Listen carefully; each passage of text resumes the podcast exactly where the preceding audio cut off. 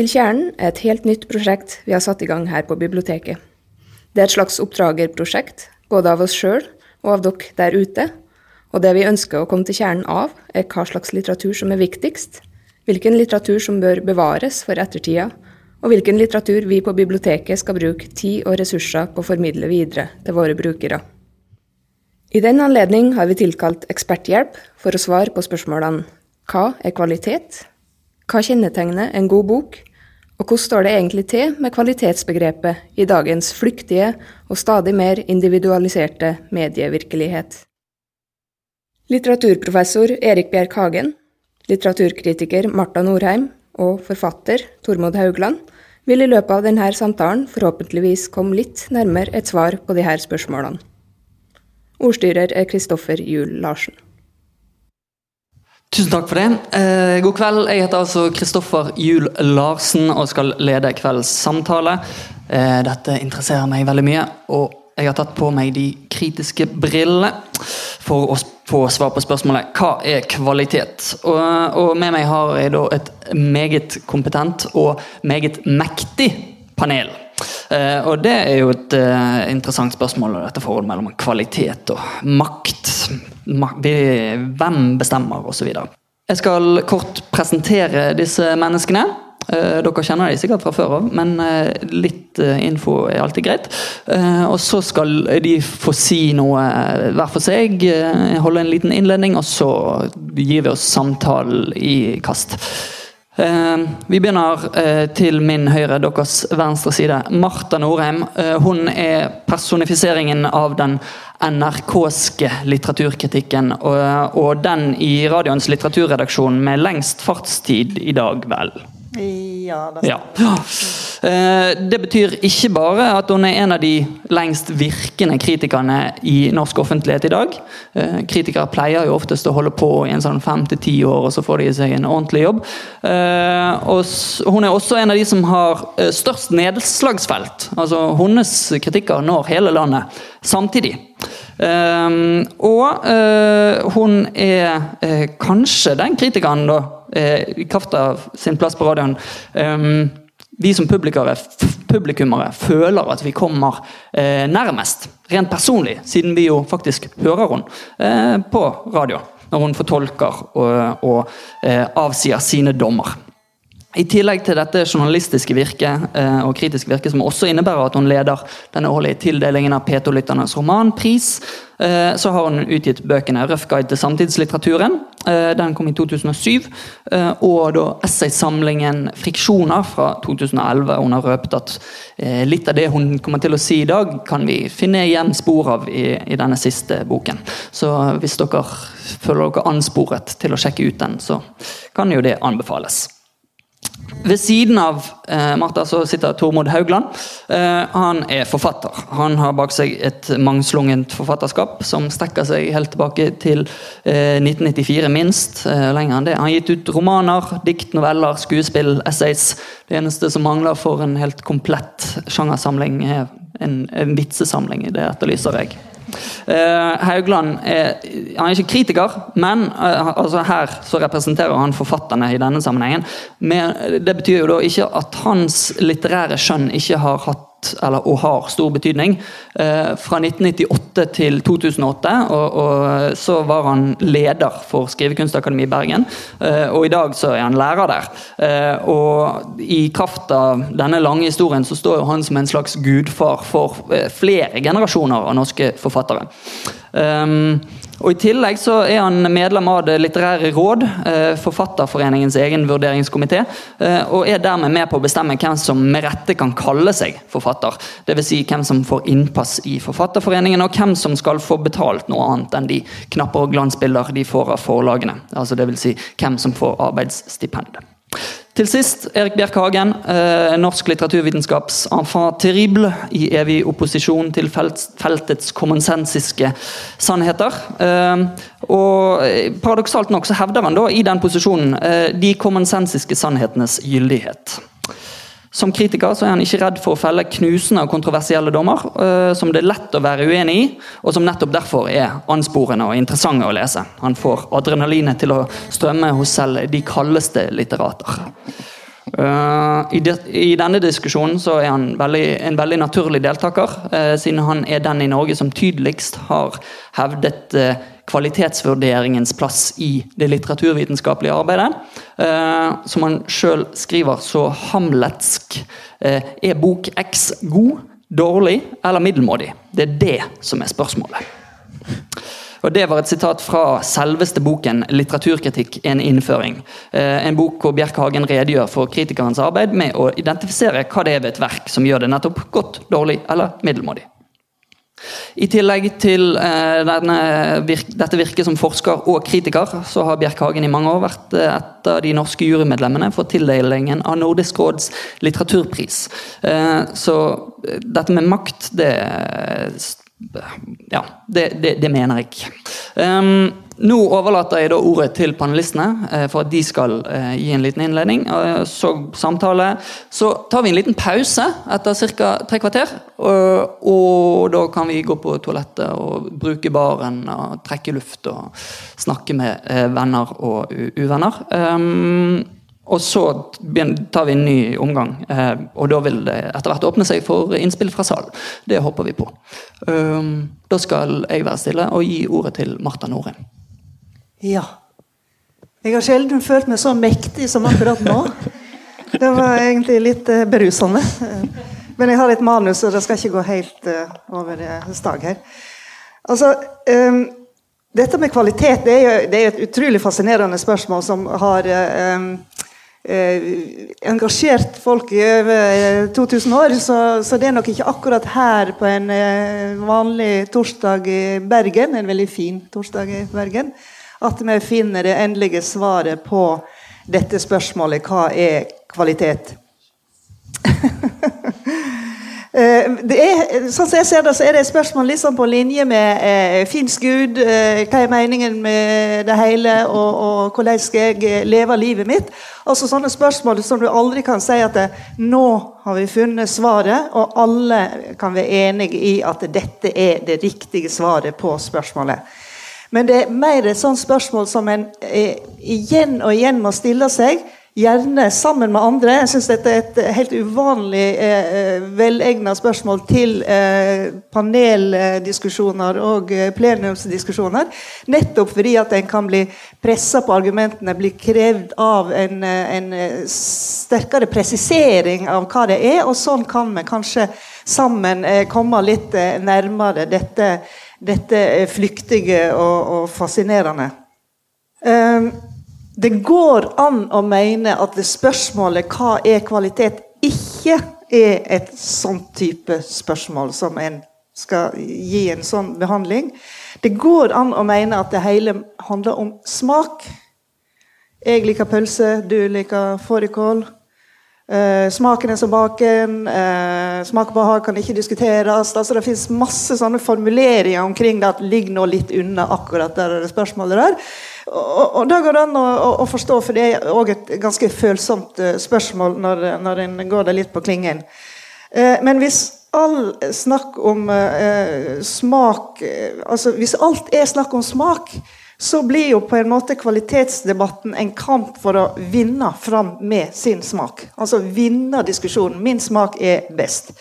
Eh, og argumentere for at en sjøl har den beste, og noen andre har da en mindre god smak. Og slikt kan det komme mye tøys ut av. Eh, eh, snobberi. Kanskje i norsk sammenheng ofte er det egentlig antisnobberi. Altså, jeg eh, syns vikingene er fantastiske, og ingen elitesnobber skal komme her og fortelle at det er ikke like bra som Mozart. Altså, sånne diskusjoner eller, diskusjons, eller definisjonsmaktkamper eh, blir en sjelden eh, munter av å være med på, og heller ikke særlig klok, egentlig. Så jeg syns ikke, jeg syns ikke det, det kan godt hende vi skal krangle litt om det, men jeg, jeg syns ikke det er så veldig, veldig interessant. Um, Ofte får jeg spørsmålet hvordan kan du vite at ei bok er god? Og Det er jo en av disse virkelig gode spørsmålene i verden. Eh, det blir gjerne stilt med en litt skeptisk undertone. Eh, sikkert pga. dette jeg sa, eh, at en er litt usikker på om det fins noe som heter kvalitet, som ikke bare er noe som fins inni mitt hode, men som det går an å gjenkjenne i kunstverket. Um, jeg tror at dette fins. Hvis ikke så hadde jeg hatt egentlig en litt vanskeligere jobb enn jeg, jeg eh, tror jeg hadde klart å takle. Uh, men med en gang jeg har sagt at jeg tror at det, det fins en kvalitet i verket, så må en egentlig begynne å uh, presisere og, og, og avgrense. For det, uh, det, er ikke noe entydig. Det er ikke noe som jeg kan komme fram til. Ok, dette verket har den høyeste kvalitet. Eh, det er heller ikke objektivt, og, det er slett ikke evige sanninger. Eh, og da kan, jeg, da kan, jeg, bare gå til eh, litteraturhistorien. Altså Det falt i min lodd i fjor å lese mange litteraturhistorier. Og det var helt fantastisk Bortsett fra at de, er jo altfor lange, selv, så det tar jo fryktelig lang tid. Men, men, men, det var veldig morsomt å lese eh, dommer over litteratur som jeg sjøl også kjenner, og som jeg leser på en helt annen måte enn det jeg gjorde da den var eh, ganske ny, eller iallfall nyere enn den var på min tid. Og, og en ser for Det morsomme eksempelet i verdenshistorien er jo Dante, ikke sant, som var herostratisk berømt i sin i sin samtid. Eh, altså I opplysningstida så de på det som liksom et uttrykk for den mørkeste middelalder og et regelrett makkverk. Så kommer romantikken, og da blir det veldig veldig bra igjen. ikke sant? At det går i bølger. Og det kommer jo an på liksom, hva slags spørsmål ei tid stiller til eh, et verk, og hva slags hva slags interesser ei tid har for å finne, finne, ting, eller gjenfinne ting. Vi glemmer jo stadig ting, og så gjenfinner en det i en ny periode i historien. Og sånn går det hele veien. Og det er helt fint. Um, på samme måte, altså På 70-tallet så var det en del bøker som virka ufattelig relevante. Nå virker de ganske banale. Jeg tenker på, på den mest politiske uh, litteraturen. Um, de har rett og slett ikke holdt seg. De mangler det som heter slitestyrke, som jo er en av kvalitetskriteriene, sånn som jeg ser det. Vi må diskutere kriterier òg, men, men det kan vi jo komme tilbake til. 'Frøken Detektiv og tårnet med de vridde lys' eh, var den aller beste boka jeg kunne tenke meg da jeg var eh, jeg håper jeg ikke var 13, men kanskje jeg var det. Eller kanskje jeg var 10, jeg vet ikke. Men eh, jeg var iallfall temmelig ung. Og den var så god at jeg tenkte jeg ville skrive brev til Carol Keane, eh, som hadde skrevet den, for den ga meg så mye. Så viste det seg hun fins ikke. altså Det er et sånn syndikat som, der det sitter folk og liksom skriver dette det er helt sånn maskinelt. Så så mye for den leseopplevelsen. Men det var en veldig ekte og genuin leseoppleving. Eh, som jeg ikke Jeg kan le av boka, men jeg vil ikke le av den opplevelsen jeg hadde av at dette var en veldig god bok. Eh, og Hvis jeg ikke hadde fortsatt å lese, så hadde jeg kanskje fremdeles tenkt at uh, 'Frøken Detektiv og tårnet med det vridde lys' var den aller beste boka. Men en av tingene som gjør at du, en endrer syn på kvalitet rent personlig, er jo dels at en blir eldre og, og, får noen erfaringer, men ikke minst det at en leser flere bøker, og dermed så får en en annen inngang til, uh, til litteratur og til kvalitet. Uh, men, men, dette er følsomme ting, nettopp fordi at eh, kvalitet henger sammen med smak, smak henger sammen med identitet. Identitet kan i siste instans også handle om menneskeverd. ikke sant? Så Hvis jeg sier den boka eh, er fullstendig makkverk, den boka som du virkelig har uh, satt opp om natta for å lese, så føler du enten at jeg er en idiot, eller at du er en idiot. Det er ikke så mange andre alternativer. altså. Og, og, og, så det blir, det blir eh, følsomme, følsomme, ting.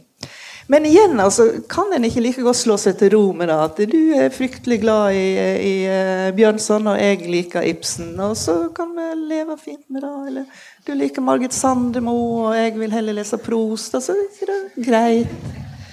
Um, jeg skal bare gi én liten sånn uh, ett lite argument for at dette er viktig, og så, og så kan vi gå videre når vi snakker sammen. Um, altså Gjennom å undersøke, utforske og prøve å liksom uh, finne ut av et kunstverk, så oppøver en kunsten å se bedre, kunsten å finne distinksjoner, kunsten å rett og slett fargelegge verden med flere nyanser. Og jeg tenker Det har sikkert mange hørt den der, altså når, eh, når uh, George Harrison hadde invitert Ravi Shankar med dette strengeinstrumentet til å holde konsert. Uh, I London, går det ut fra. Det er jeg ikke helt sikker på. Og så var han litt redd for at det ikke skulle bli så veldig sånn game for denne mannen som drev med helt andre ting enn det folk grunnleggende var interessert i. Så han gikk fram på scenen og sa altså, dette her er noe som det egentlig ikke har noe greie på, men, men er, han er en stor kunstner, og det må virkelig gi han, gi han tilbake. Eh, og så kommer kom Ravi Shankar inn, og det plinger og det plonger, og det er en veldig applaus bryter ut. Og så sier han stille og høflig at eh, siden du syns det var så fantastisk når jeg stemte sitaten min, så er jeg sikker på at dere også vil like musikken. Um, og det er klart, altså, Hvis du ikke vet hvordan det høres ut, så, så havner du opp i sånt. Eller, eller, når folk sier hardingfele, det er jo akkurat likt alt sammen. Nei, det er faktisk ikke det. Det er kjempestore forskjeller. Og, og, og, det er jo en fin ting å på en måte kunne, kunne, se. Så hvis det er sånn at vi rett og slett eh, tenker med språket og, og ser med sansene, så er det å, å bruke åndskraft på å prøve å, å se disse forskjellene en uh, tror jeg dypt siviliserende ting å drive med. Jeg stopper der, jeg. Der var radioprogrammet slutt. Nei, jeg tenkte på P2 og at det skulle fortsette, men nå er det min tur, altså. Um, jeg syns du var så flink til å holde sånn muntlig innlegg. Det tror ikke jeg skal prøve meg på. Jeg skal uh, gjøre sånn som jeg bruker, og lese det jeg har skrevet. Å bestemme litterær kvalitet er ofte enkelt for den enkelte, siden kvalitet alltid vil være en subjektiv og flytende storlek. Slik sett vil en leser kunne si at dette var en god bok, men en annen leser vil kunne si det motsatte, fordi han har andre kriterier for hva som er litterær kvalitet. Det er først når disse to møtes at det har vært interessant å snakke om litterær kvalitet. Og Slike samtaler fins det mange av fordi det er så interessant å diskutere hva litterær kvalitet er. Fra private lesesirkler til offentlige kåringer av årets beste bok. Da tenkte jeg på deg og P2-lytternes pris. Vært litterær kvalitet diskutert. Og det fins aldri en fasit.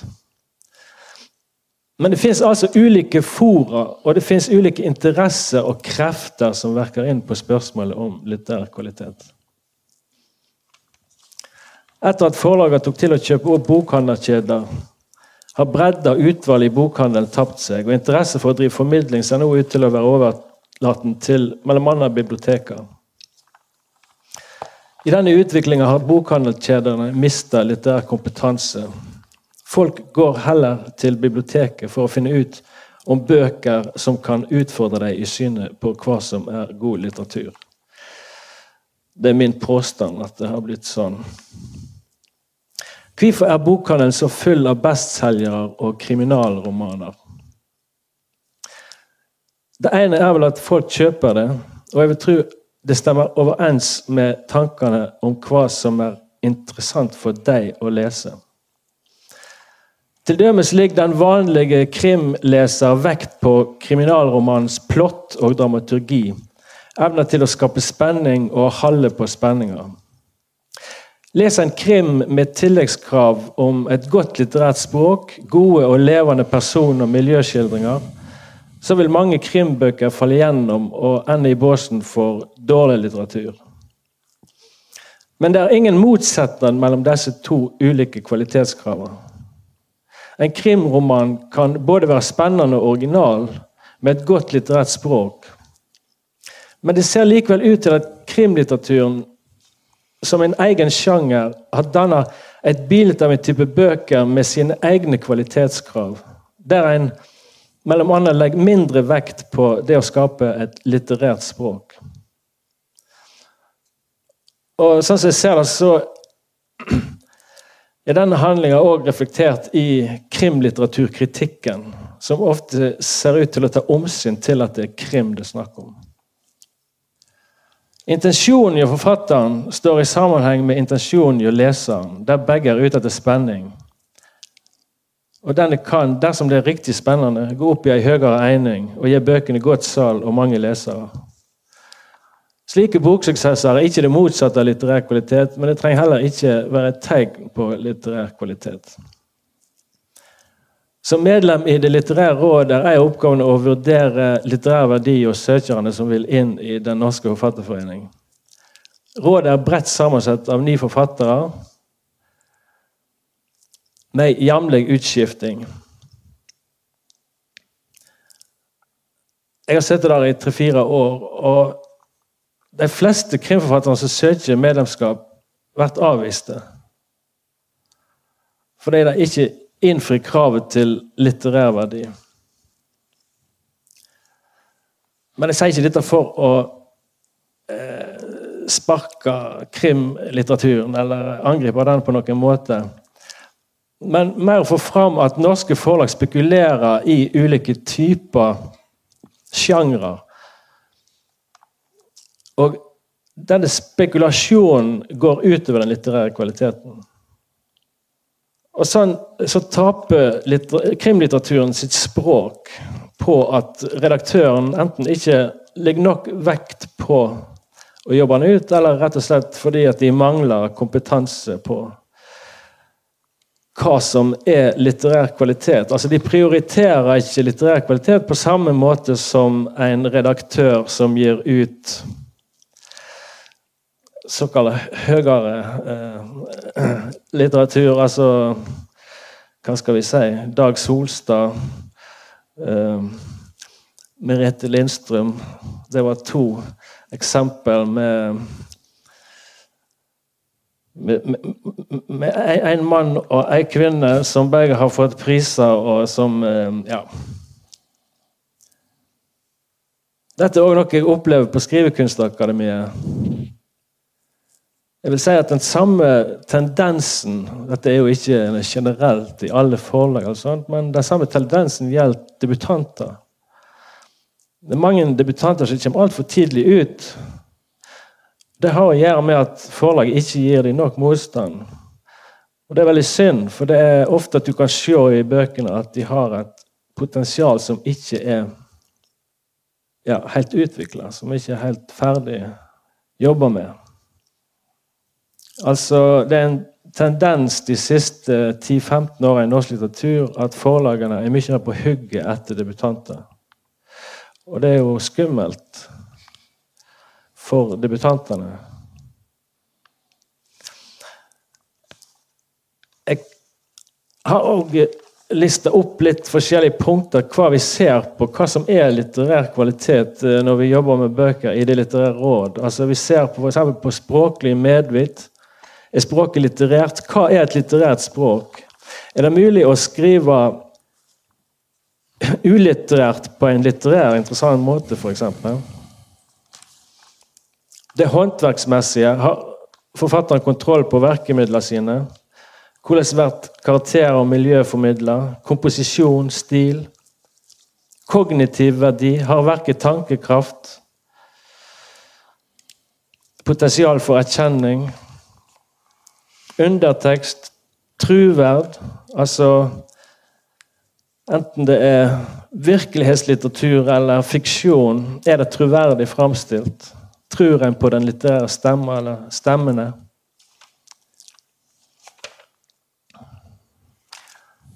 Nødvendighet. Ligger det et personlig trykk bak verket? Har det energi? Originalitet? Har det en særegenhet? selvstendighet, sjangerbevissthet. Hvordan forholder verket seg i forhold til annen litteratur? Aktualitet, relevans, risiko. Utfordrer verket noe? Blir noe satt på spill? Sånne ting. Og når jeg har sett det, så er jeg nødt til å si at en skal alltid være kritisk til forsøk på å lage retningslinjer for hva som er litterær kvalitet. Fordi at litterær kvalitet endrer seg. Fordi det å skrive hele tida står i et høve til det som allerede er skrevet. Og Sånn sett så kan et omgrep og et ideal som originalitet òg bety et brudd på det som vært oppfattet som godt språk og godt håndverk. Sånn at disse punktene kan òg stå i motsetning til hverandre. For det å skape ny og god litteratur handler òg om å utfordre etablerte oppfatninger av hva som er litterær kvalitet. Jeg tror jeg stopper der. Ja, det blir nok litt overlapping, men sånn er uunngåelig. Eh, når man spør om hva litterær kvalitet er, så er svaret først og fremst at det er en følelse. Altså den følelsen av kvalitet som oppstår når man leser en setning eller et avsnitt eller en hel bok. Så den som vil være en kritiker eller på annen måte uttale seg om kvalitet, må kjenne sin egen litterære følelse. Sin egen litterære sans. Ikke alle litteraturkritikere later til å ha en spesielt velutviklet slik litterær sans eller følelse. Og dette er da de dårlige kritikerne. De som ikke dømmer ut fra sin sanne følelse, men ut fra hva de tror man skal mene om en gitt bok. Eller de føler og dømmer på måfå uten dybde og konsekvens og klarhet. Slik har det alltid vært. De fleste kritikere skriver bare ut fra tidens konvensjoner, tidens doksa. De mangler litterær selvtillit, eller føler, føler, for lite, eller tør ikke å stole på hva de faktisk føler. At følelsen slik står i sentrum av enhver kvalitetserfaring, betyr ikke at den er avsondret fra fornuften. Den som opplever litteratur, er et helt menneske som også forstår og analyserer, og som vet en hel masse ting som er vesentlig for å oppleve litteratur på den rette måten. Man kan ikke ha opplevelse eller følelse uten forståelse, og heller ikke motsatt. Hvordan arter så den gode litterære følelse seg, altså den som forteller oss at dette er en god bok? Tja. David Hume, filosofen, den skotske filosofen, kalte det en, en behagelig melankoli. Welhaven snakker, snakker likeledes om citat, den ekte poetiske resignasjon der bringer smerten til at dulme og oppløse seg i blid vemod. Det var den sanne litterære følelsen. Det var på 1830-tallet. Psykologen og filosofen William James beretter mer prosaisk om en stikkende smerte i brystbenet. Uansett, de som har slike følelser, vet hva de er. Gåsehud, tårer og latter kan likeledes være umiddelbare kvalitetssymptomer som ledsager den litterære følelsen. Ja, Man kan ikke alltid stole på dem, selvsagt. Det hender man angrer på sine tårer og sin latter og sin gåsehud. Det finnes også andre mindre fysiske symptomer, som at man gjerne vil lese en bok om igjen, at man husker den godt, at den diskuteres i kulturen, at, fortsatt, at man fortsatt er interessert i den etter 100 år, eller 200 år eller 500 år osv. Ganske godt symptom. Vi leser den selv om den er 500 år gammel. Men for kritikere og diskuterende litteraturmennesker er det ikke nok å bare si denne boken er god fordi jeg føler at den er god. Dommen må begrunnes gjennom beskrivelsen av det litterære verket. Man må forklare hva det er ved det som gjør det godt. I slike begrunnelser bruker man da visse kriterier. Og de mest uh, pålitelige, grunnleggende kriteriene de siste 200-300 årene har vært uh, særlig tre. Du har nevnt dem allerede. Av, altså, du har nevnt enda flere, men, men uh, dette er ja, det jeg kaller det grunnleggende. Livaktighet, oppriktighet, eller autentisitet, og originalitet. De siste kriteriene oppsto for alvor i romantikken. Og romantikere er vi fortsatt. Stort sett alle sammen. Hva er det altså da som gjør f.eks. en roman som Emily Brontes 'Stormfulle høyder' så god? For det er den jo. Svaret er jo mer, den, jo mer man leser den, desto mer føler man at man bebor et levende univers med levende mennesker. Det er det ene. Det andre er at man føler at forfatteren vil noe spesielt og intenst med denne boken. At hun har noe brennende på hjertet. Og Det tredje er at 'Stormefulle høyder' ikke ligner på noe annet i verden. I eller utenfor litteraturen. Og så må selvfølgelig da begrunnelsen bevege seg videre nedover til mer detaljerte nivåer. Plott må karakteriseres. Personene i denne boken er spesielle. Ofte kompromissløst usympatiske. Det i seg selv er noe, noe underlig og bra. Temaet er stort og opphøyd, altså den besettende og destruktive kjærligheten. Stilen er slik at man ikke vil gå glipp av en setning eller ett ord Og så videre. Man blir ikke helt klok på den, den kan leses på flere måter osv. Det siste overvurderes ofte som et sånt kvalitetskriterium i akademia, men, men, men det må også med. Hvordan kan man vite at man har god litterær sans eller smak? Altså den rette litterære følelsen. Det enkleste er jo da å lese en litterær klassiker. Dersom man oppriktig føler at dette er mye bedre enn det som skrives nå for tiden, kan man være temmelig sikker på at man er på rett spor. Dersom man leser Amtmannens døtre eller Stormfulle høyder og tenker at dette var gammelt og kjedelig og tamme saker i forhold til Jo Nesbø eller Lena Andersson eller Michelle Welbeck, så er man dårligere stilt. Nesbø har jeg aldri lest, riktignok, men um, Lene Andersson ble jeg nylig lurt til å lese. Welbeck siste syns jeg var god, ganske god i 100 sider. Deretter flat og tam og helt uten liv og mening. En temmelig mislykket bok. Dette betyr ikke at litterære klassikere er udiskutable. tvert imot. Også de er jo ikke alltid så gode, ikke hele tiden. Heller ikke stormfulle høyder. Hvor mange fullkomne Ibsen-skuespill finnes det? Ikke så mange. Ibsen som forfatter hadde i det hele tatt sine begrensninger. For ikke å snakke om Hamsun og Undset. Og blant elevene er det som alltid altfor mange eh, sånne, sånne hellige, hellige, kyr. Solstad og Foss osv. De får aldri kritikk lenger. De fikk det mye mer før. De burde fått mye mer nå. Henrik Wergeland og Bjørnson ble angrepet absolutt hele tiden. De fikk aldri fred. Folk hatet dem helt til de gikk i graven. Det finnes naturligvis heller ikke fullkomne kritikere eller smaksdommere, og det er bra. Ellers ville vi jo kunne ha overlatt den litterære kvalitetsvurdering til dem. De kunne kommet hjem med sine verdensmestertitler eller europamestertitler og satt opp leselister for oss og forklart hvordan vi skulle lese. Det hadde vært uutholdelig. Litterær kvalitet er som litterær mening. Det er en prosess som blir til over tid og gjennom diskusjon, der alle slags ufullkomne stemmer deltar. Selv den gode litterære smak og sans tar helt feil iblant og trenger under alle omstendigheter justering fra andre. Altså De beste kritikerne, de mest berømte kritikerne tok feil hele tiden. Ingenting tyder for øvrig på at interessen for litterær kvalitet og litterære klassikere er dalende, eller at vi snakker om kvalitet på mer overfladiske måter nå enn før. Det er jo det vi er interessert i. Når vi møter noen som har sett en film eller lest en bok, så spør vi var den god, hvordan var den god, hvorfor var den god? Og så er da diskusjonen i gang. Alltid ufullkommen, alltid mangelfull, men alltid verdt å føre. Tusen takk, eh, alle sammen. Um, som sagt som du sa, Erik, det, det overlapper eh, flere steder. Eh, men eh, allikevel forskjellige innganger til spørsmålet. La meg mm, begynne med en ting du sa helt innledningsvis, Erik, og, stille spørsmålet til dere to andre. Han sa at kvalitet er en følelse. Er det noe dere kan slutte opp om, Martha?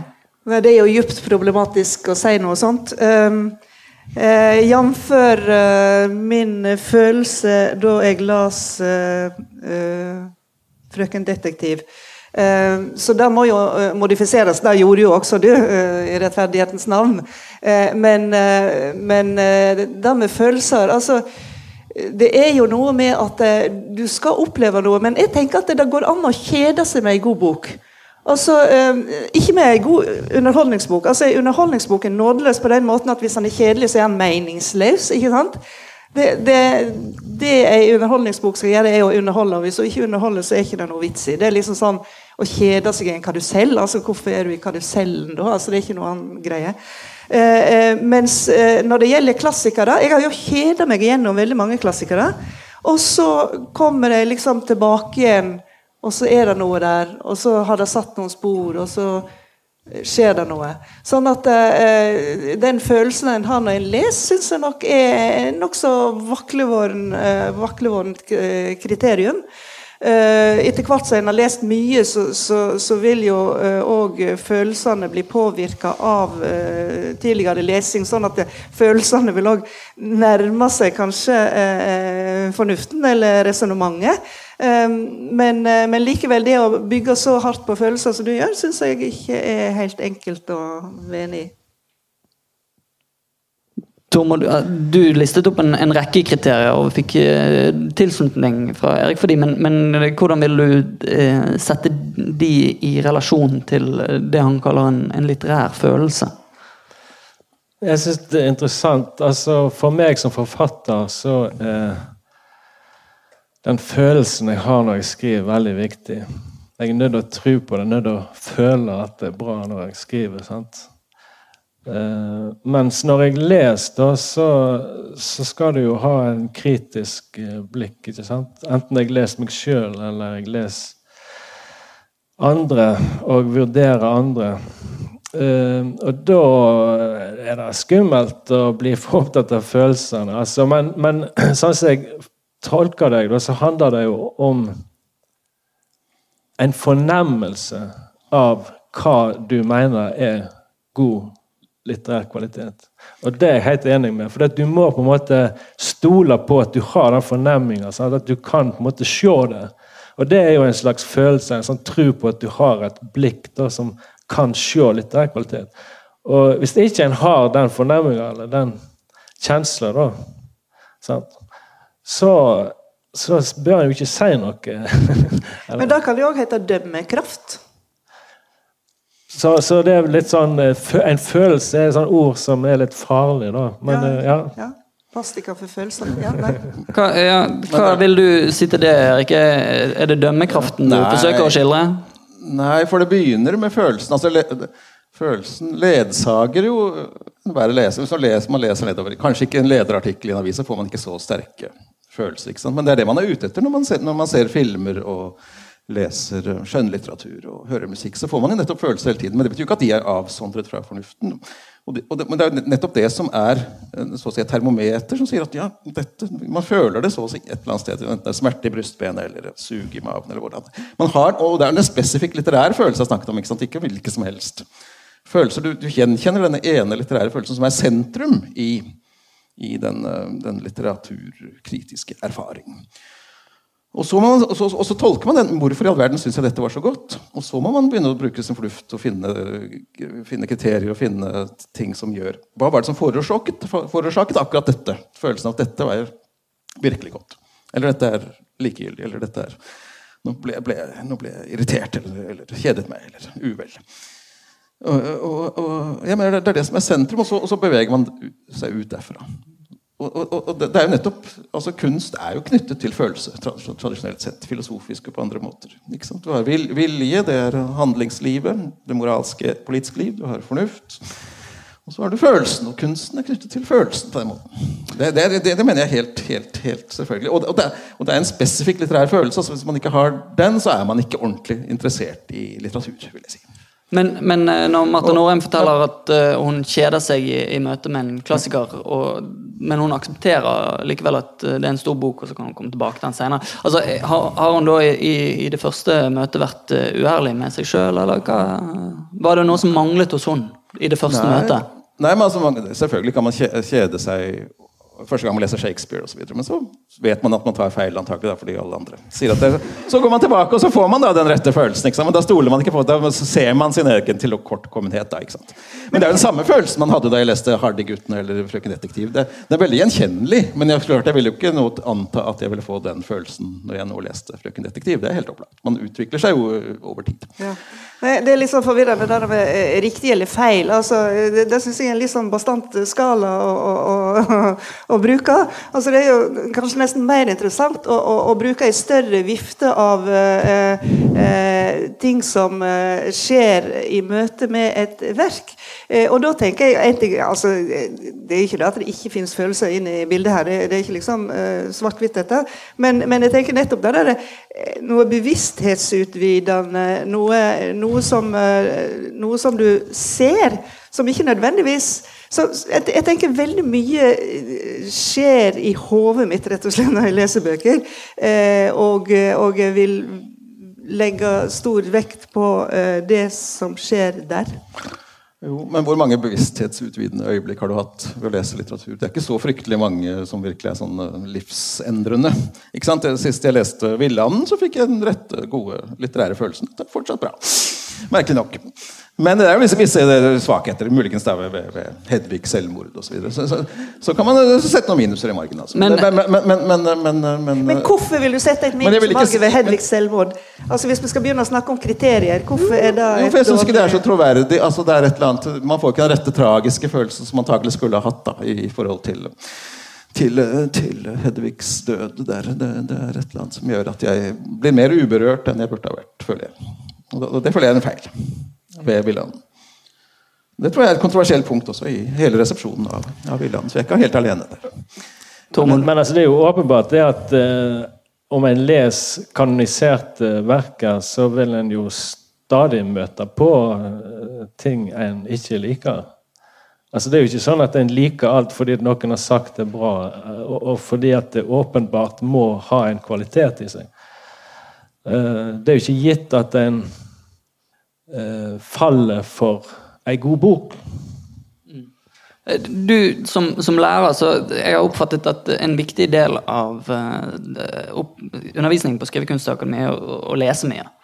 Um, hvordan forholder du deg til uh, den obstanasi student som uh, leser det som dere har gitt som eksempel for å vise frem god litteratur? Er det et problem? Jeg skjønte ikke hva du Nei, altså Når dere, når dere underviser eh, eh, de vordende forfatterne, så viser dere jo frem litteratur som de leser, og som det ligger, går jeg ut ifra, da, en eller annen slags forforståelse om at dette her er bra. Eller tar jeg helt feil? Altså, I grunnen gjør vi det veldig lite. Mm -hmm. altså, Vi leser mest studenttekstene, men vi har jo noen gjennomganger av uh, enkelte Eh, jeg pleier ikke ha det så mye annet enn bare å kikke på ting. Eh, men vi har jo litteraturvitere som kommer og leser grundig eh, verk, altså.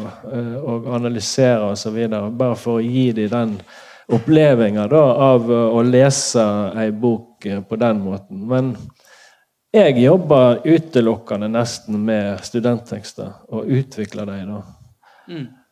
Akkurat i disse dager så har vi et kurs der de skriver ny tekst hver dag. Og vi begynner da med å lese høyt det de har skrevet siden forrige dag. ikke sant? Og så handler det om å få teksten til å vokse. Ja, det var jeg som hadde ordet. Det var enda godt at han ringte mens jeg hadde ordet. Flight mode. Men, men eh, ok, da må, jeg, eh, da må, jeg, endre på spørsmålet. Hva oppstår i det eh, det er uenighet i, i gruppen om hva som er bra? Det er jo det fine. altså Alle tolv som går der på årsstudiet, er jo der for å få tilbakemelding og gi tilbakemelding. Sånn at det er jo først da det blir interessant, hvis det er ulike syn og ulike Altså det blir diskusjoner rundt en tekst. Så det er jo gunstig. Og det er jo til sjuende og sist eh, bare de sjøl som har skrevet teksten, som på en måte skal bestemme. da. Sånn at deres kvalitetssyn vil nok endres i løpet av et sånt studieår. Og, og, det er liksom da kvalitetssynet som gjelder for det de skal skrive. ikke sant? Så Ligger det en liten insinuasjon i spørsmålet ditt? Altså, eh, Er det det som skaper den gode smaken hos Nei, jeg, jeg, jeg, mente ikke å spørre om det. Jeg mente mest å, det, det, var et åpent spørsmål, det var ikke retorisk. Eh, altså, hvordan, eh, hvordan, håndterer dere eh, det, kvalitetsspørsmålet i en sånn undervisningssituasjon? Der eh, kvaliteten ikke bare skal bedømmes som hos litteraturstudenten, men faktisk skapes som, som forfatterstudenten jo skal gjøre. Altså, det er stor skilnad på å snakke om litterær kvalitet i, i, i ei bok og en tekst som er i arbeid. Du har mye mer sånn åpnere holdning til en tekst som er Du, du, du skal hjelpe teksten fram, og du skal vektlegge det som er, er fruktbart og konstruktivt. Men du skal selvfølgelig òg peke på, på svakheter. Men du skal først og fremst få teksten bedre, altså hjelpe den fram. Og i, i den hjelpen så blir det en diskusjon om hva vil være det rette. Det handler om, om forfatterens intensjon og hvor forfatteren vil, like mye som hvor jeg mener at den skal gå, eller andre i gruppa mener den skal gå. Uh? Eh, når du forholder deg til ei bok som er ferdig skrevet, så har du ingen mulighet til å endre på noe. Så da er det mye lettere å avfelle en dom over den. ikke sant? Mens det er mye farligere med en tekst som er i arbeid. Eh, det er helt ferskt, rykende ferskt, og det er liksom noe som skjer oppi hodet på dem samtidig. Altså, og, og, fortsettelsen er ikke laga osv. Så, videre, Så det er en helt annen måte. Du skal være forsiktig. Samtidig så skal de øverst opp til å kunne snakke åpent om tekstene sine og ta imot. Både kritisk og ja. Eh, nå eh, er vi inne i en eh, veldig interessant diskusjon. Den skal vi ta opp igjen etter pausen. Da skal vi snakke mer om dette her prosessuelle rundt kvalitetsdiskusjonen, som jo også ble nevnt av Erik Bjerkhagen. Vi eh, går i gang med andre del. Um, vi snakket om uh, skriveprosessen. Uh, og arbeidet med å finne frem til hva det var som var, var bra i en tekst. Men allerede i sitt åpningsinnlegg så snakket Erik Berk Hagen om det her med at kvalitetsdommen ikke var noen sånn endelig sak. selv om en følelse kan jo, er jo liksom den, den er der. Den kan ikke vi eh, underkjenne. Men, men, den var altså kvalitets... Uh, det å finne frem til kvaliteten, det er en, en prosess, sa du vel. Um, en diskusjon som vi har mellom oss osv. Men så er det dette her med at, at uh, når vi driver litteraturkritikk, og vi, når vi lager bibliotek, og når vi lager eh, eh, kanonlister, altså lister over de beste bøkene eh, sant? Nå nettopp kom de best, beste forfatterne under 35 i Norge osv. Så, så eh, stopper vi jo på en måte denne prosessen. Denne kvalitetsdiskusjonen. Den stoppes på et eller annet tidspunkt. Når vi lager bibliotek, så det, boken blir kjøpt inn i biblioteket og blir en del av samlingen, eller så blir han det ikke. Eh, og etter eh, noen år så blir boken som står i bokhyllen, kastet. Eh, eller ikke. Altså, den blir stående. Det originale, kritiske arbeidet, hvis jeg får være litt sånn nerdete, er jo de som jobbet på, på det første biblioteket, museene. De vurderte skal det tas inn i, i, eh, i, samlingen, eller ikke? Skal vi la det eh, forsvinne ut i tidens elv? Um, og da har vi denne her prosessuelle uh, kvalitetsdiskusjonen satt opp mot institusjonaliseringen. For hva, hvordan skal vi forholde oss til det at vi på et eller annet tidspunkt er nødt til å, å, å stoppe prosessen? Eh, så da eh, tenker jeg etter spørsmålet til, til, deg først, uh, Erik. Du har jo vært med å lage lister over, over de beste. Og, altså, skal vi forholde oss til det som noe annet enn bare debattinnlegg og, og sånt? Nei, egentlig ikke, fordi, fordi Altså eksperter, da, selvoppnevnt eller andre oppnevnte eksperter, de, de lager disse listene eller, eller lager litteraturhistorier. Da. Akkurat den 1-25 beste fra Lillehammer og sånn, det var ikke så interessant. da, for, det var jo bare ett verk per person osv. Men litteraturhistorie er jo litt mer inkluderende, inkluderende kanonisering. Det, men det er klart, der går jo verk inn og ut hele tiden. Denne, man blir lei av verk, og de mister sin aktualitet, og noe rehabiliteres. Og vi har det eksempelet med denne Stoner, denne amerikanske romanen som ingen hadde hørt om nesten før.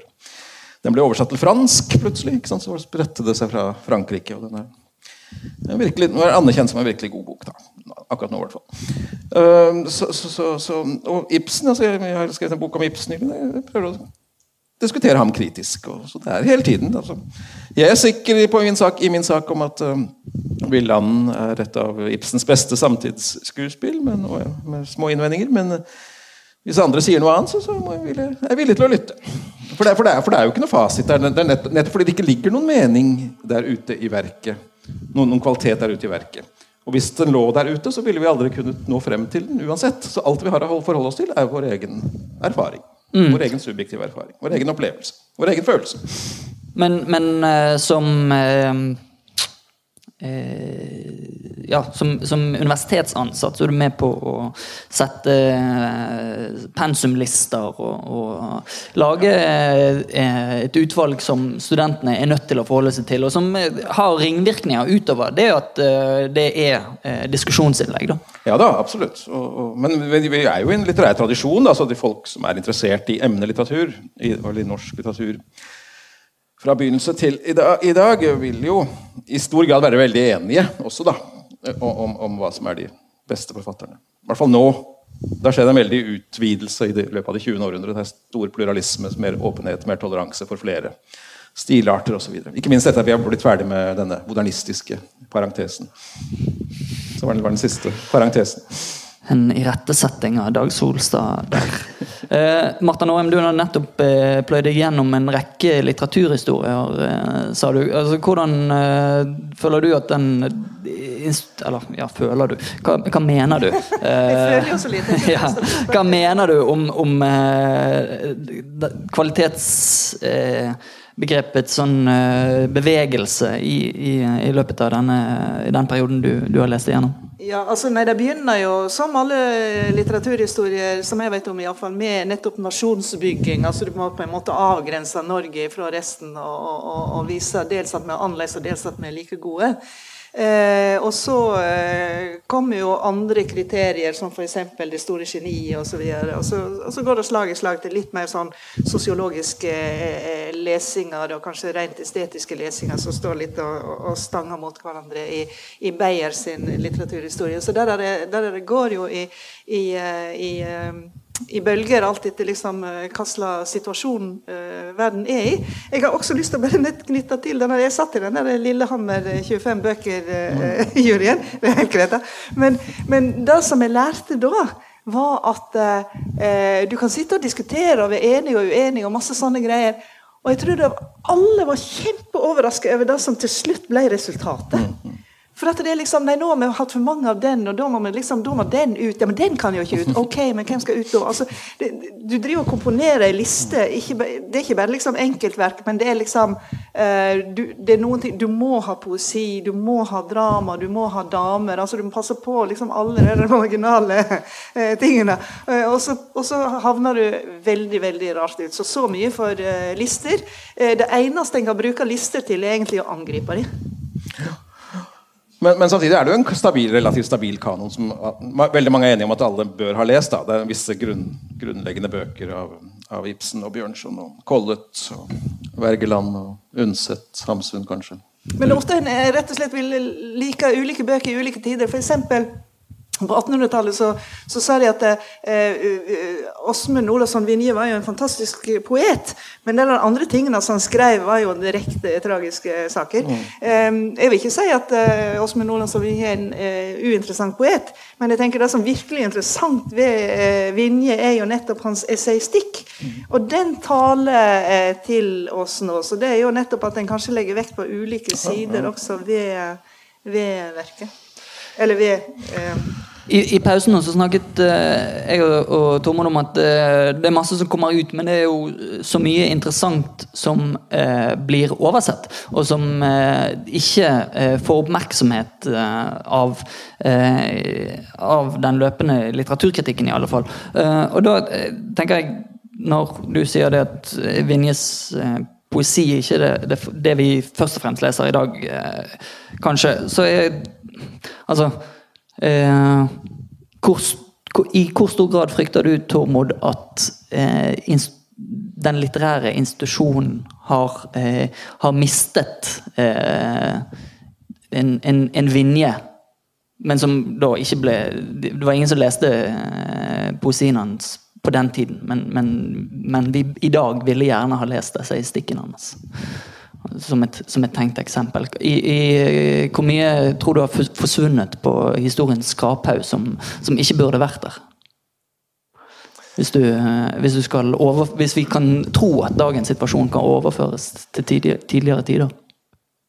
Nei, altså Ferda mine er jo veldig interessant, fordi at den blander nettopp det esaistiske med disse her sentimentale, eh, veldig naturlyriske diktene som står inne og ser seg på en stein og ser utover eh, fjellheimen. sant? Og, eh, og det er jo en interessant blanding, da, for i esistikken så er han jo et kritisk, eh, veldig sånn eh, maktkritisk og eh, Han er kritisk til bøndene osv. Og, så og han kan gjøre narr av folk, og han kan plutselig dikte om huldra eller leve seg inn i sånn folketru, som om det var noe som skjedde.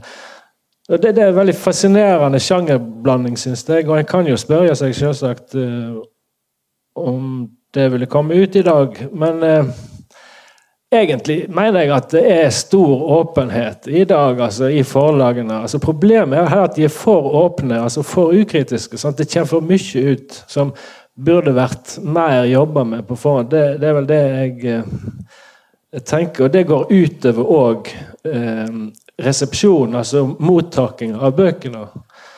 Ehm, det er så mange bøker at mange av de drukner. Og det som er synd, er jo at eh, mange eh, gode bøker eh, av de som kommer ut, altså bøker som kunne hevda seg godt hvis en så på litterær kvalitet, de forsvinner. Et eksempel er jo, som vi nevnte, Kristine Næss, som fikk ei eller to meldinger når boka kom ut. og Så gikk det et lite år, og så ble hun nominert til Nordisk råds litteraturpris. og da våkna kritikeren, og hun fikk et hav av, av, av, meldinger. Så, så, det var jo en, en, en, hyggelig opplevelse for henne. Men mange bøker forsvinner litt i, i, i Kan forsvinne i gjørma eller i Men de forsvinner, de blir usynlige. Og da må det andre instanser til for å snappe de opp uh, enn en de rent mediale og Der tenker jeg, der kan jo bibliotekene være viktige, en viktig instans. da. Uh, ja, og hvordan, eh, altså Mener du at, at, biblioteket skal være en slags uh, litteraturkritisk institusjon, om ikke som altså kritisk At bibliotekene skriver kritikk, men at de, at de er et sted som gir bøkene den oppmerksomheten de da fortjener? Altså, Eh, det, det, er ikke først og fremst kritikken jeg etterlyser der. Det er mer synligheten. da, og Det er formidlinga til bibliotekene jeg tenker på. da. Ikke at de skal uh, anmelde de, eller uh. Men, men det kritiske arbeidet, altså utvelgelsen, er jo den, jo, som, den, som en grunnleggende handling. Men å opprettholde en diskusjon rundt bøker som ikke blir diskutert ellers i media, er jo tenker jeg, en fin oppgave til bibliotekene. da. Og, og min, min, oppfatning er at eh, biblioteket har i mye større grad enn bare for noen få år siden blitt en sånn møteplass der en Uh, ja, Med arrangementer og diskusjoner og uh, panelsamtaler sånn som dette omkring litteratur, da, som, uh, ja, som, som, er positivt. da. Jeg tror det er veldig viktig å, å rett og slett dyrke de uh, arenaene der det er andre ting enn en klikk og salg og terninger som, uh, som gjelder når en skal velge ut uh, litteratur.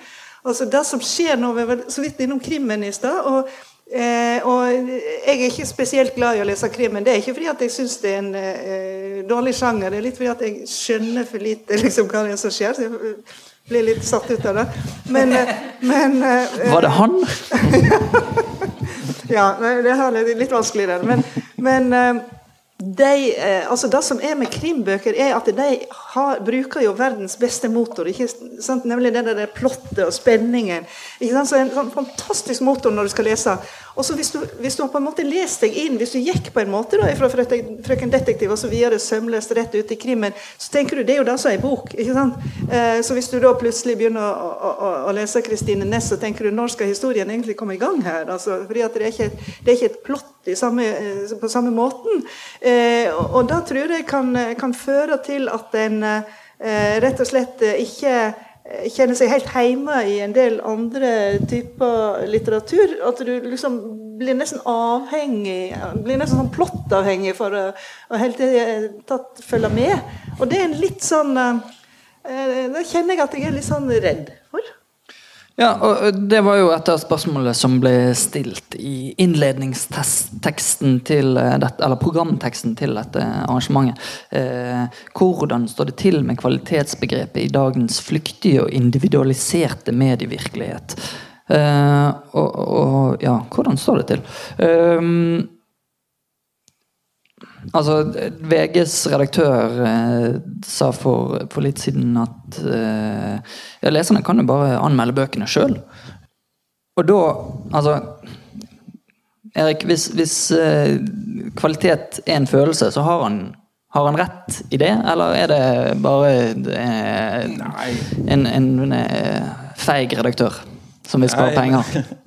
Jeg mener jo at det er bra at vi har liksom kultur, eller en litteraturkritisk offentlighet da, som er god og sterk. Og at den litteraturkritiske tradisjonen står sterkt. Og den gjør den jo på mange måter fortsatt i Norge. altså Usvekket og styrket på mange måter. Det er flere gode kritikere nå enn det har vært noen gang før, antagelig. Vil jeg tro. Og mange fora, altså Klassekampen, Morgenbladet, NRK, Aftenposten, Dag og Tid, Vinduet, Vagant Veldig mange sånne som bruker mye plass på seriøs seriøs litteraturkritikk. da. VG forsvinner. Jeg vet ikke hvor viktig det har vært. Men det er klart det, det nådde jo mange flere. selvfølgelig. Og Dagbladet har vel vært i fritt fall eller fall i 20-25 år. eller hvor lenge det er. Det er ikke, Dagbladet er ikke hva det var, men det er jo veldig mange andre. mange andre. Det var jo veldig sentral en periode. En gang.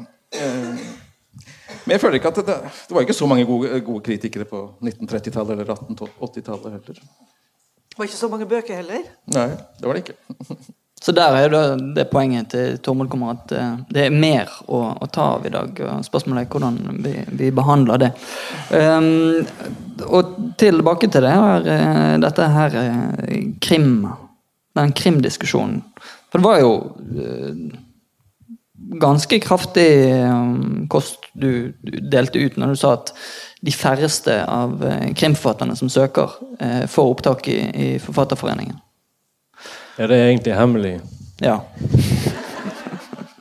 Men eh, du sa at eh, Ja, de var plottdrevne, men de hadde ikke et, eh, et litterært språk. Et litterært språk var jo ikke et av eh, de tre urkriteriene som, eh, som Erik eh, nevnte. Um, hva, hva, altså, hva, er det som må til for at, uh, for at krimlitteraturen uh, kan bli kvalitativt uh, god? Når er det, hvis vi skal være litt frekke, når er det Marta Norheim anmelder krimlitteratur istedenfor Leif Ekle? Nei, altså Jeg har jo lest krim nå de siste tre-fire årene. For første gang i mitt liv. Men da har jeg lest en del, så jeg har fått meg et, et et visst inntrykk. Og det er altså veldig mye eh, dårlig språkføring. Altså, alt koker egentlig ned til syntaks når jeg snakker om litterær kvalitet. Altså, Alt ligger der. ikke sant? Det ligger i språket, setningsføringer og sånt. Og, men det å skape et bilde, f.eks. Altså, det skal, det skal sitte språklig, altså rent sånn Det skal òg sitte du skal se det for deg, og, og, det skal være logisk. Sant? Du kan ikke gå ut, og så snør det, så kommer du litt lenger bort, og så snør det ikke altså Der er det ikke noe snø. Altså det, det, må være liksom helt logisk, og så må det være innlevd, og så må det være rørsle. Det, det gjelder all litteratur. Enten den, den, prøver å være stillestående uten handling og så, videre, så må det være språklig rørsle. Og veldig mye krim er sånn uh, dødsspråk da, som mangler liv, som mangler bevegelse. Og figurene eh, er sånne pappfigurer. Altså sjablonger, eh, klisjéfigurer som er veldig sånn Altså de, ofte, de mangler helt sånn en troverdig psykologi. De blir veldig fort eh, går inn i sånne sjablongbilder vi har på altså, Krimmen er jo full av så mange forventninger, og alle prøver å innfri de forventningene. Og når du gir dem et dårlig språk, så har du ikke kjangs. Det er det som er problemet. Altså, de, de kan lage plott, mange av de, og, og liksom holde på spenning, og sånt, men det er liksom et mønster. og Du ser hvor mange krimforfattere som kommer med bok etter bok, én bok i året. Og de er sånn 350 sider lange. Og de har akkurat like mange kapittel. Og de begynner på akkurat samme måten. altså Strukturen, komposisjonen, er helt prikk lik. Og det er jo klart det er masseproduksjon, og det blir jo ikke de, de, jobber ikke med litterære problemstillinger i det hele tatt. Jeg må nesten si noe til uh, krimlitteraturens forsvar. Jeg, her, fordi at, uh, altså, uh, Det er nok riktig at personene sjelden liksom har fått en veldig fyldig og rik psykologi. Men da har en jo heller ikke et haikudikt, ikke sant? eller i en, i en eh, fantastisk eh, kollektivroman som gjør godt av eh, Trude Marstein. Altså, det er jo noe med at, at, de ulike sjangrene har noen forskjellige ting ved seg. Sant? Det er ikke sikkert at at krimmen nødvendigvis må ha så rikt og tredimensjonalt persongalleri. Bare historien er utrolig god. Eh, men når det er sagt, så er det jo dette formellitteratur. Sånn det, det, og det er en formel som dominerer, og det er jeg skeptisk til. Men samtidig så ble jeg også kjent jeg skeptisk til dine kriterier her. altså jo, jo da, men, litt strenge. Ja, men jeg mener ikke at uh, nødvendigvis alt, alt, alt, det skal innfris. Jeg er helt enig Det går fint an å lese uh, krimlitteratur uten at uh, karakterene har så voldsomt uh, djupt psykologisk liv eller reflekterer liksom Uh, altså Det kan godt være handlingsdrevet, og alt sånt, men det må på en måte stemme. altså Du må kunne beskrive et, en, en, scene, du må kunne beskrive en stemning. altså Det må være samsvar mellom uh, det som skjer inni karakteren, det som skjer utenfor den osv. Det slipper du ikke unna, men du kan, gjøre, du kan på en måte velge hvor psykologisk du vil gjøre karakterene dine. Selvsagt. Morgan Kane han, hadde jo psykologisk dybde og konsistens. Han skrev, Mastersen skrev en bok hver sjette uke, faktisk. I, først i banken, og siden han, hadde han råd til å slutte. Han dro ned i luka. Men tilfredsstiller Morgan Kane dine urkriterier? Ja, Nei, ikke, ikke så best i den norske litteraturen. Men, men han, det klart at han hadde jo mange kvaliteter, og de gis jo ut fortsatt. Det er lenge siden jeg har lest dem nå. Altså, men, men, men, men, de hadde jo nettopp Han hadde det drivet og, og god nok språkføring og eh, en psykologisk interessant karakter. En slags hals. Hvis jeg husker riktig, så har du også en viss fascinasjon for noen av, disse, av den amerikanske eh, krimlitteraturens eh, ja, mestere. Den er, den er, jo hevet opp til høylitteratur, en del av den. Chandler særlig, og Hammond. Ja, ja. Han er jo ja. klassisk eksempel på en som har begge deler. altså ja. Den, den, franske Georges Simenon, mm. som lagde denne Migré-figuren han var jo på et tidspunkt, har jeg hørt, da, aktuell for Nobelprisen. altså var en av de som ble diskutert. Da, men det var på en måte alle de hundrevis av Migré-bøker han hadde skrevet, som måtte trekke ned. Da, han, var, han, han, hadde vel godt språk og kunne lage plott og alt det spennende. Men det var liksom eh, sekund... Altså, det var, det var B, B-kultur. De er noen puritanere det der i Svenske Akademien på den måten at de tør ikke gi prisen til noen som noen gang har begått en dårlig bok. Og, og mm. det er veldig uheldig for dem. Altså. Bare unnskyld at jeg gjør avbrøt. Men, men, det er ikke så mange sånne eksempler som folk som blir hevet opp fra populærkultur til høykultur. Men Chandler er jo et navn. Alf Prøysen i Norge er jo et annet eksempel. Men ja, jeg kan godt nevne altså Jørgen Gunnerud han er en norsk krimforfatter som skriver òg litt altså, mer vanlige romaner. Da. Men altså, han holder et høyt språklig nivå. da. Eh, Michelet òg eh, er jo på et, er eh, en klasse for seg blant krimforfatterne. da. Så, så det fins jo unntak. Og det fins òg eh, Fantasy-litteraturen er jo òg et sånt veksende felt. Og, og der er det òg eh, interessante sånn, språklige prosjekter. Og TV-seriene. Det er jo en slags litteratur.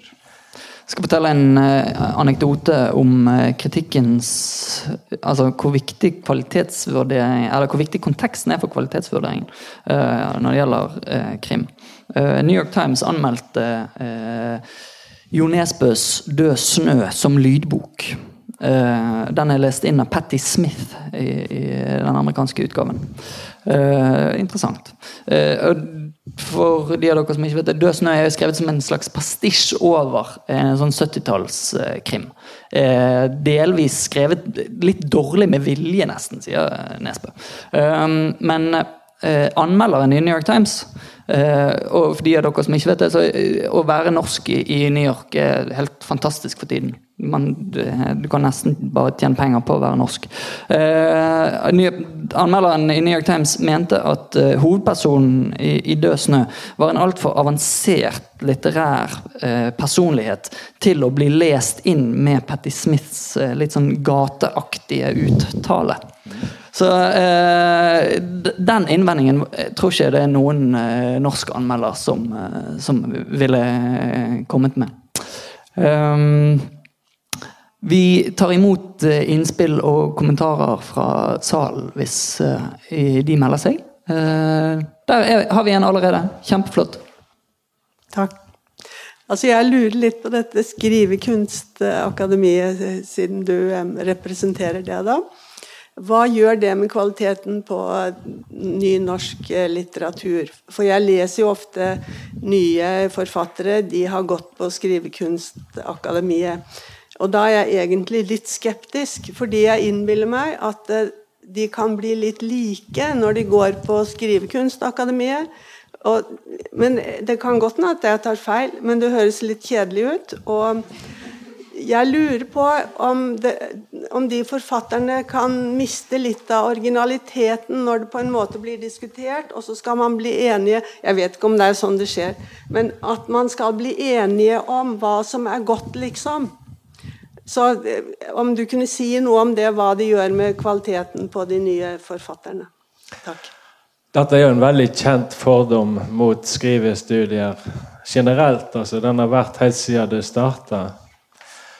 Um, hvis en tenker på uh, altså Kunstakademiene før det var sånn at du gikk under professorer på, på linje. For eksempel, hvis du gikk under den, den malerprofessoren, så betydde det at du skulle male som den professoren lærte deg. Altså, det var forskjellige stiler, og sånt, og så valgte du en av dem, og så ble du sånn. da. Uh, vår modell er helt motsatt. Vi har uh, fire faste lærere som alle er der i små 25 stillinger. Eh, og underviser litt, men den meste delen av undervisninga skjer faktisk med gjesteforfattere og eh, litteraturvitere osv.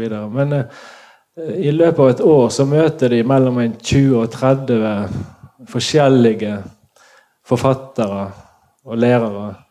Sånn at uh, de får et stort mangfold av ulike typer forfattere. Samtidig så presser vi de til å skrive i alle sjangre. Ikke bare lyrikk, novelle, roman. De må òg skrive essays, og de må skrive litt film og litt drama. sånn at uh, det er nesten sånn umulig studium der du blir liksom pressa til å produsere hele tida. Og Eh, det skal godt gjøres hvis du blir påvirka av én av de, eller eh, sånn utelukkende. Jeg tenker at du får et mylder av tilbakemeldinger og en mylder av påvirkningskraft. Da. Så kunsten er på en måte å ta opp den som er interessant for deg. da. Jeg vil gjerne be de to andre panelistene om å kommentere det, siden dere har lest så mye ny norsk samtidslitteratur og jo har en viss eh, erfaring med eh, disse skrivekunstspirene. Altså, hvor, eh, hvor, hvor, Finnes det fellestrekk? Eller er det bare fordi at de kommer fra samme generasjon? Jeg husker ikke hvem som har gått og ikke gått på Skrivekunstakademiet. Legger ikke merke til det. Espedal har vel ikke gått der, f.eks. men, men uh, Marstein har gått der. Ja, hun har gått i Bø, ikke ja, ja, ikke her i Bergen. Nei. Knausgård har ikke. Jo, han har, gått, ja. han har det, ja, ja. Står i boka. Det stemmer det. det stemmer det. Hva syns du, Madda? Jo, nei, jeg tenker at de lærer håndverk der. Og, og det at en lærer et håndverk når en skal utføre et håndverk, tror jeg er bare godt. Eh, det jeg ser, er at du, eh, etter at det ble mer vanlig å gå på ulike typer akademi, så har det formelle ved tekstene blitt bedre. Sånn at det er fort gjort at du glemmer at og spørre ja, men hva er det de skriver om. Altså, eh, for Tidligere så var det en del som var riktig dårlige, eh, og da var det liksom greit.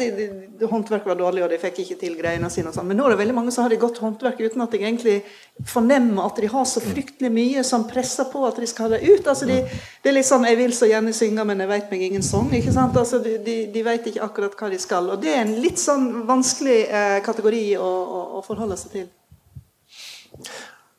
Men, men, eh, det er jo sånn at uh, vi kan på en måte ikke lære det, det. Altså, Nei, sant? det kan vi ikke det. Det er akkurat det som er Men, men det vi, kan, vi kan tilby en møteplass for de som har lyst til å, å lære og prøve liksom å, å bli forfatter og, og, og skrive bedre.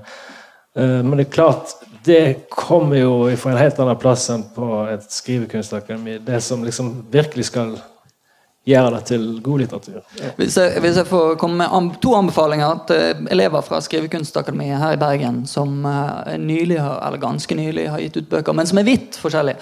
Uh, Ingvild Skade, 'Drammens rekordbok', og Anne Helene Guddal sine to uh, nye bøker. Altså, fantastiske utgivelser fra begge forfatterne. og hysterisk forskjellige. Da hadde vi et spørsmål her.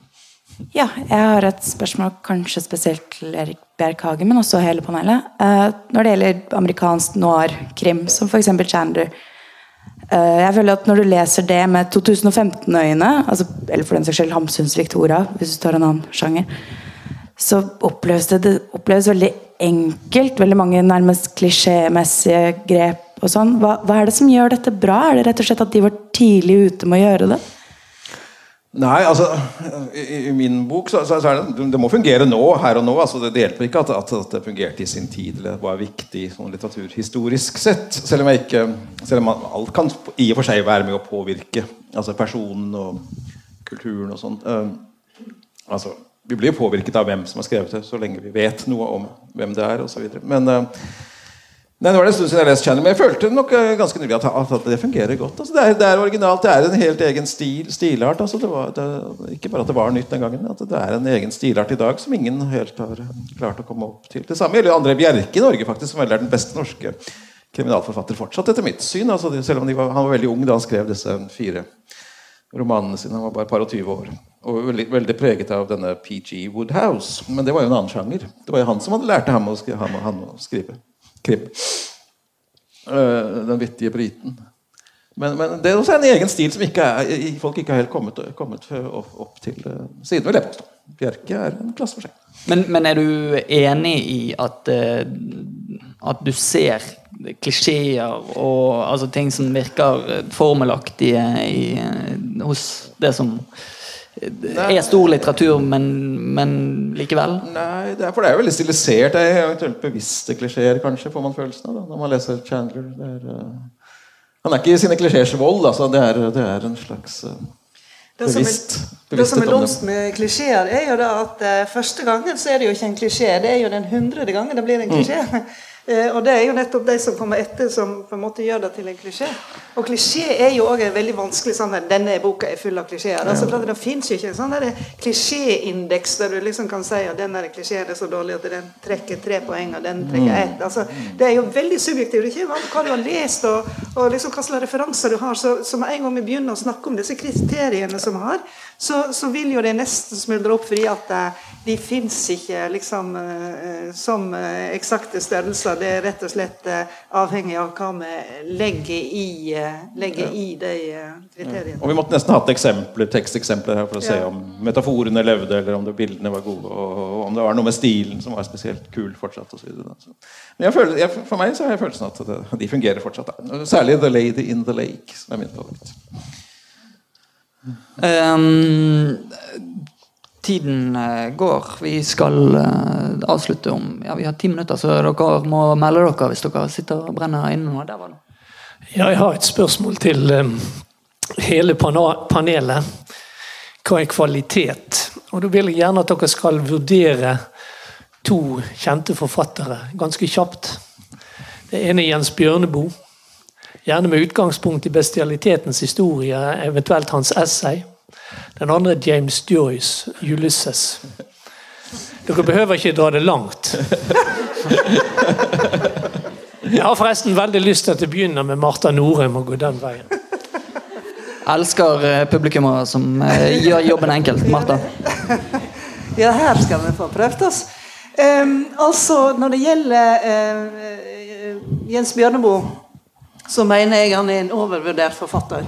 Han er eh, ekstremt eh, polariserende. Jeg tror det hjelper over 17 år å plutselig ha oppdaga verdens urettferdighet når du leser bestialitetens historie.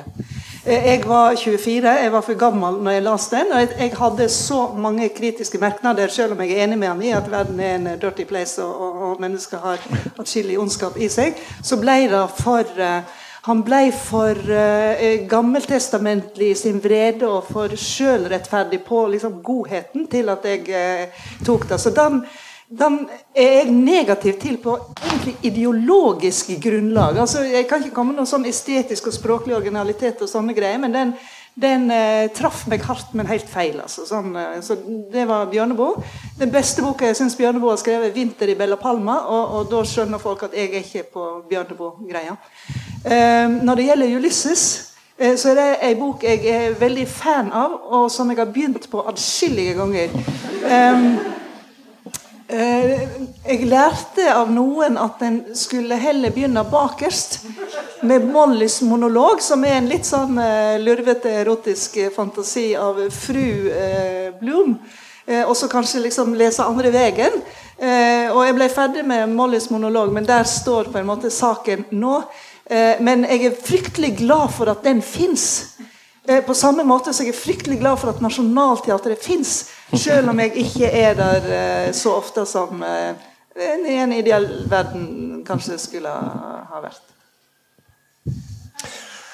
Ja, Bjørneboe la seg veldig mye av når jeg var ung. Han var liksom en av de første, og jeg var veldig opptatt av han.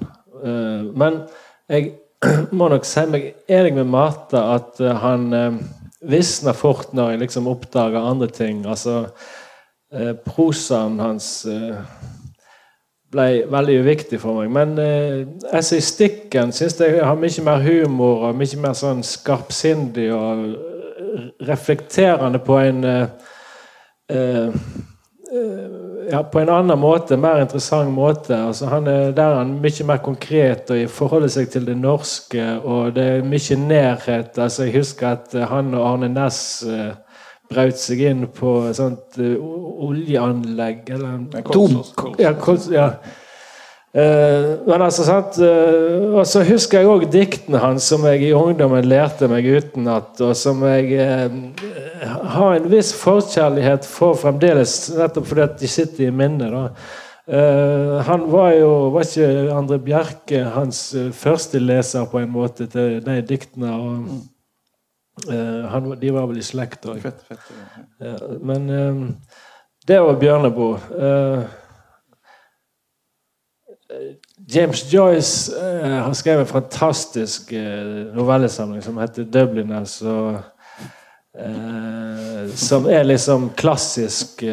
og når du leser den, så, så, skjønner du at han er en god forfatter. Altså, Ulysses er jo en mye mer eksperimentell ting. Det der han virkelig utfordrer. Altså, det var jo bare så vidt uh, Det var vel forlaget til mannen til Virginia Woolf som ga den ut, var ikke det? Og det var etter mye om og men. altså, Det var så vidt den kom ut. da. Men altså, det er jo en, en eksperimentell roman som utforsker ulike ulike skrivestiler og, sant, og uh, avansert. og Jeg må si jeg aldri helt har fått grep om den, da, men jeg uh, har pga. Dubliness veldig stor respekt for den. Jeg har òg uh, i min tid kjøpt uh, Finnegans Wake, som er jo helt umulig, men morsomt å lese i korte partier, syns jeg. da. Jeg skjønner jo ingenting av det, men altså, det er fantastisk rytme og melodi og alt sånt.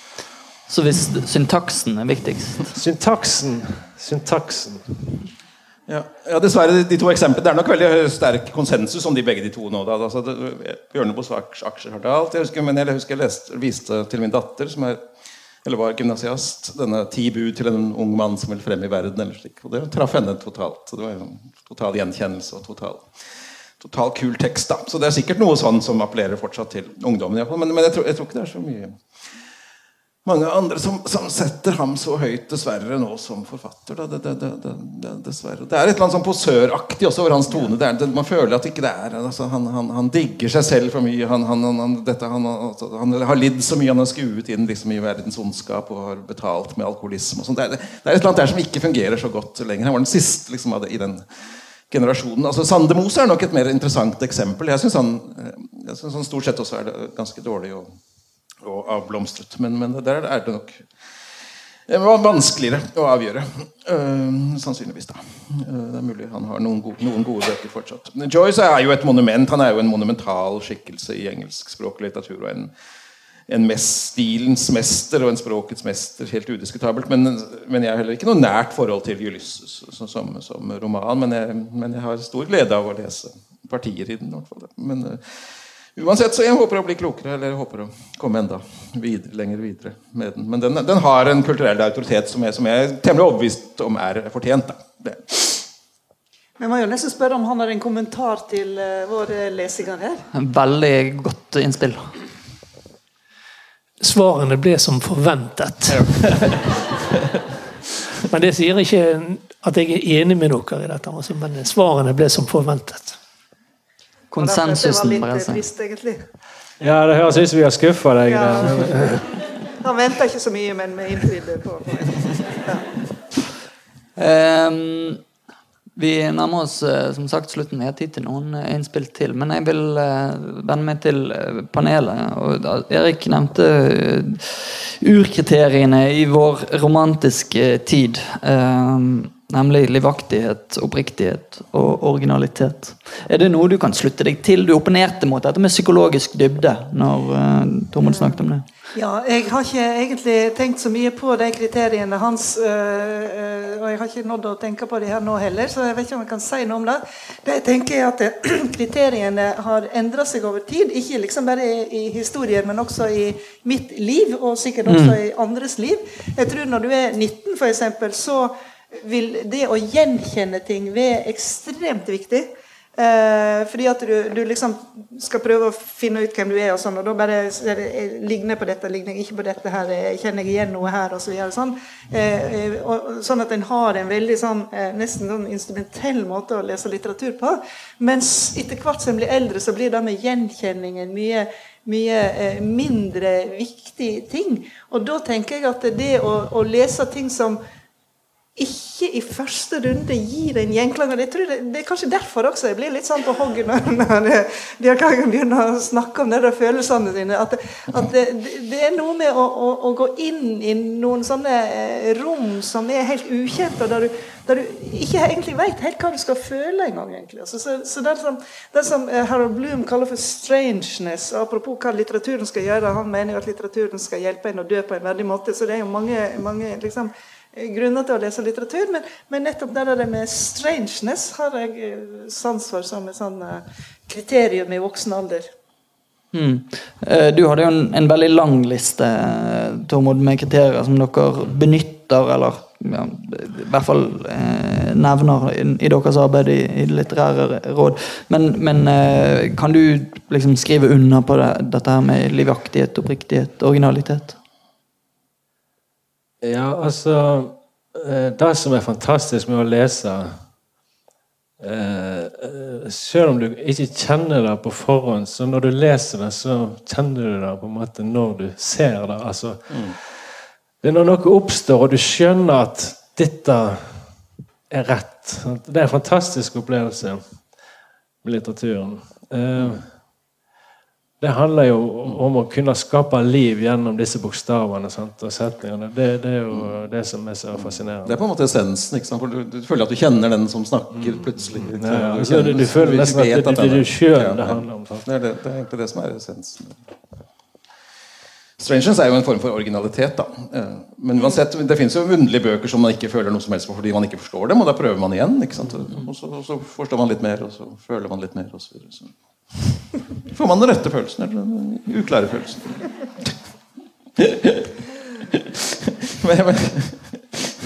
det er et termometer. Altså, altså, Gradestokken når opp til pluss 30 eller minus 30.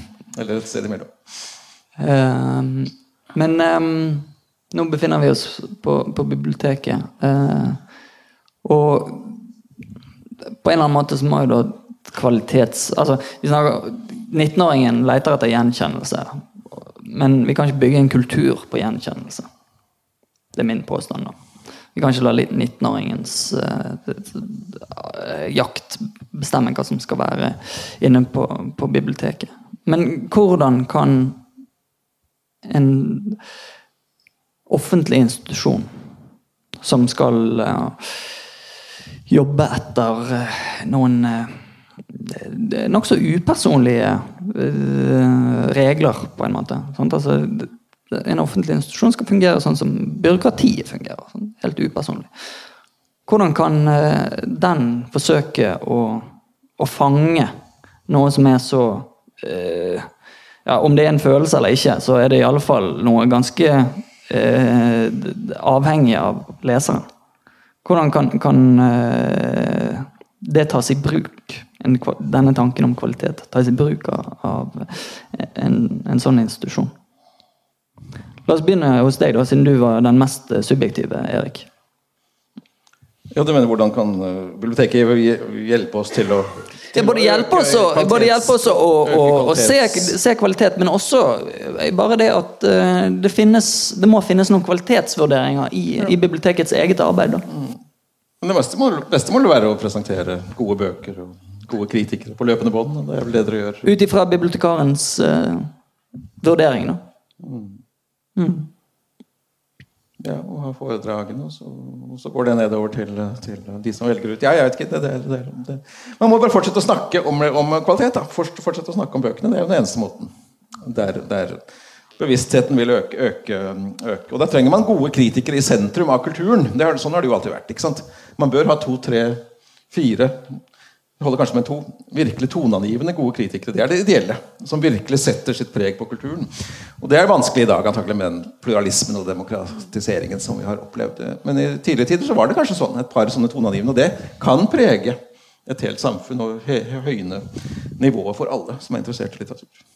Så Sånn sett så, så skal man ikke blåse av eh, den autoritative kritiker heller. Selv om jeg også mener at visse forfattere er for mye hellige kyr. så det er en balanse der. Hva syns du, Martha? Nei, altså Den tida med to toneangivende kritikere, den er forbi. Og jeg vet ikke om jeg egentlig savner den heller. Um, det som er problemet nå, er jo at det finnes noen veldige kvanta med bøker. Og, da, å, å, for en bibliotekar eller hvem som har helst, egentlig, å sette seg inn i det og, og, og skille skitt og kanel er jo en formidabel jobb. Så en må jo bare eh, fuske i faget, holdt jeg på å si, og, og hente seg informasjon eh, der en eh, kan finne den. Ifra, fra vaskesedler og kritikker og Hørensagen og, og kafébord. Og, og, prøve å liksom eh, begynne å, å, å bygge. Altså det som er fantastisk med biblioteket, er jo at de skal ikke selge bøker. ikke sant? De trenger ikke ha stabler med de potensielt mest bestselgende Du får ikke en sånn millenniumstabel i trynet når du kommer inn på et bibliotek. Det syns jeg er ufattelig deilig. Altså de, de, har mm. ingen sånne baktanker eh, med det. det er liksom, hvis det er en bok som er lagt fram, så tenker du det fordi at noen syns den er god. Mm. Og det er Ja, det er fortsatt men, det er viktig en balanse da, mellom autoritet og antiautoritet i dette systemet. Som vi alle har vært, vært inne på hele, hele tiden. Det bør komme sterke, sterke kvalitetsdommer og en sterk sånn, kvalitetsdiskurs i kulturen. Samtidig må man være klar over at alt flyter. At ingen, ingen er ordentlig ekspert. Alle, selv ekspertene kan ta feil. Veldig feil. Tormod, du som da sitter i et råd som fatter eh, veldig sånne klare dommer. Altså, kan, tror du et bibliotek kan fungere etter de samme eh, vurderingen, type vurderinger som, som, dere gjør? Nei, altså det er en litt annen oppgave biblioteket har, tenker jeg. da. Mm. Altså, biblioteket skal jo være den som har bøkene. Eh, det er jo sjokkerende å tenke på at uh, biblioteket òg makulerer Altså, Jeg er enig med Martha at det, det, er jo det som er så befriende med biblioteket, at det er ikke bestselger som står liksom eh, framstilt, uh, og, det er ingen paller og sånt. da. Uh, Katrine Knutsen skrev et essay i Klassekampen om, sist, om Liv Køltzow i forbindelse med at hun kom i, med bok etter 19 år eller sånn. Og Jeg skrev om tidlige bøker sant, fra 70-tallet. Og, og, så kom kona mi til meg og spurte hvor uh, Liv Køltzow-bøkene var. Sant? Og vi har jo ikke sånt bibliotek som tåler at alt kan stå, så vi må hele tida, for hvert år, så må vi ta ut. Og så blir det jo veldig irriterende når liksom, ting blir aktuelt igjen. og så er, Hvor er den, og hvor er den? Da? Så nå, nå måtte jeg bestille alt på antikvariat igjen. og fikk sånn pakke da, så nå holder på gå gjennom hele forfatterskapet til Liv Kølser fordi at det er aktualisert igjen. Da. Og, og det tenker jeg, Sånn funksjon skal jo biblioteker ha. Da, at du kan gå til biblioteket og så låne de bøkene. Uh, og det er jo veldig viktig med biblioteket. Da, og nettopp uh, litteratur er jo et eksempel på noe som sant, som ligger der sovende, og så plutselig våkner det på en eller annen måte. Sant? Plutselig blir noe aktuelt igjen, og så, og så må du se på det igjen. Og så, og så, må du hele tida se på om ting varer. ikke sant? Holder det seg? Og hva er det som gjør at det ikke holder seg? Altså, det er jo en del av den diskusjonen vi har her, da, som er jo veldig interessant. Jeg må aldri Altså, Tenk på forfatterskap som har lagt og sovet i så Du nevnte han eh, den amerikanske ja, ja, uh, sånn Plutselig er det noe som skjer, som at et bok blir aktuell igjen. Og da er det utrolig spennende å se på det. da. Ja. Uh, det er jo det er jo veldig interessant å lese Montaigne som skriver om antikkens forfattere. Med en, sånn innlevelse Du skulle tro at det var liksom samtidsforfattere han kommenterer. Men det er jo altså veldig langt spenn. Altså Det er mye kortere spenn fra oss til Montaigne enn en mange av de han skriver om. De fleste av dem. sant? Uh, men han skriver om dem på en sånn nærhet, og sånn, uh, som om de var kompiser av han, og? Men han var jo ikke romantiker, så der er også en viktig en enda større distanse mellom også han og, han og eh, de i antikken. Vi eh, har, eh, tror jeg, kommet til veis ende i kveld. Tusen takk for oppmerksomheten for dere, og for innspill fra dere i salen. Tusen takk til panelistene for kløktige og innsiktsfulle svar på spørsmålet hva er kvalitet. Følg serien til kjernen og sjekke ut resten av programmet. Eh, jeg tror det blir en veldig fin høst her på biblioteket. Eh, så ses vi. Veldig godt publikum.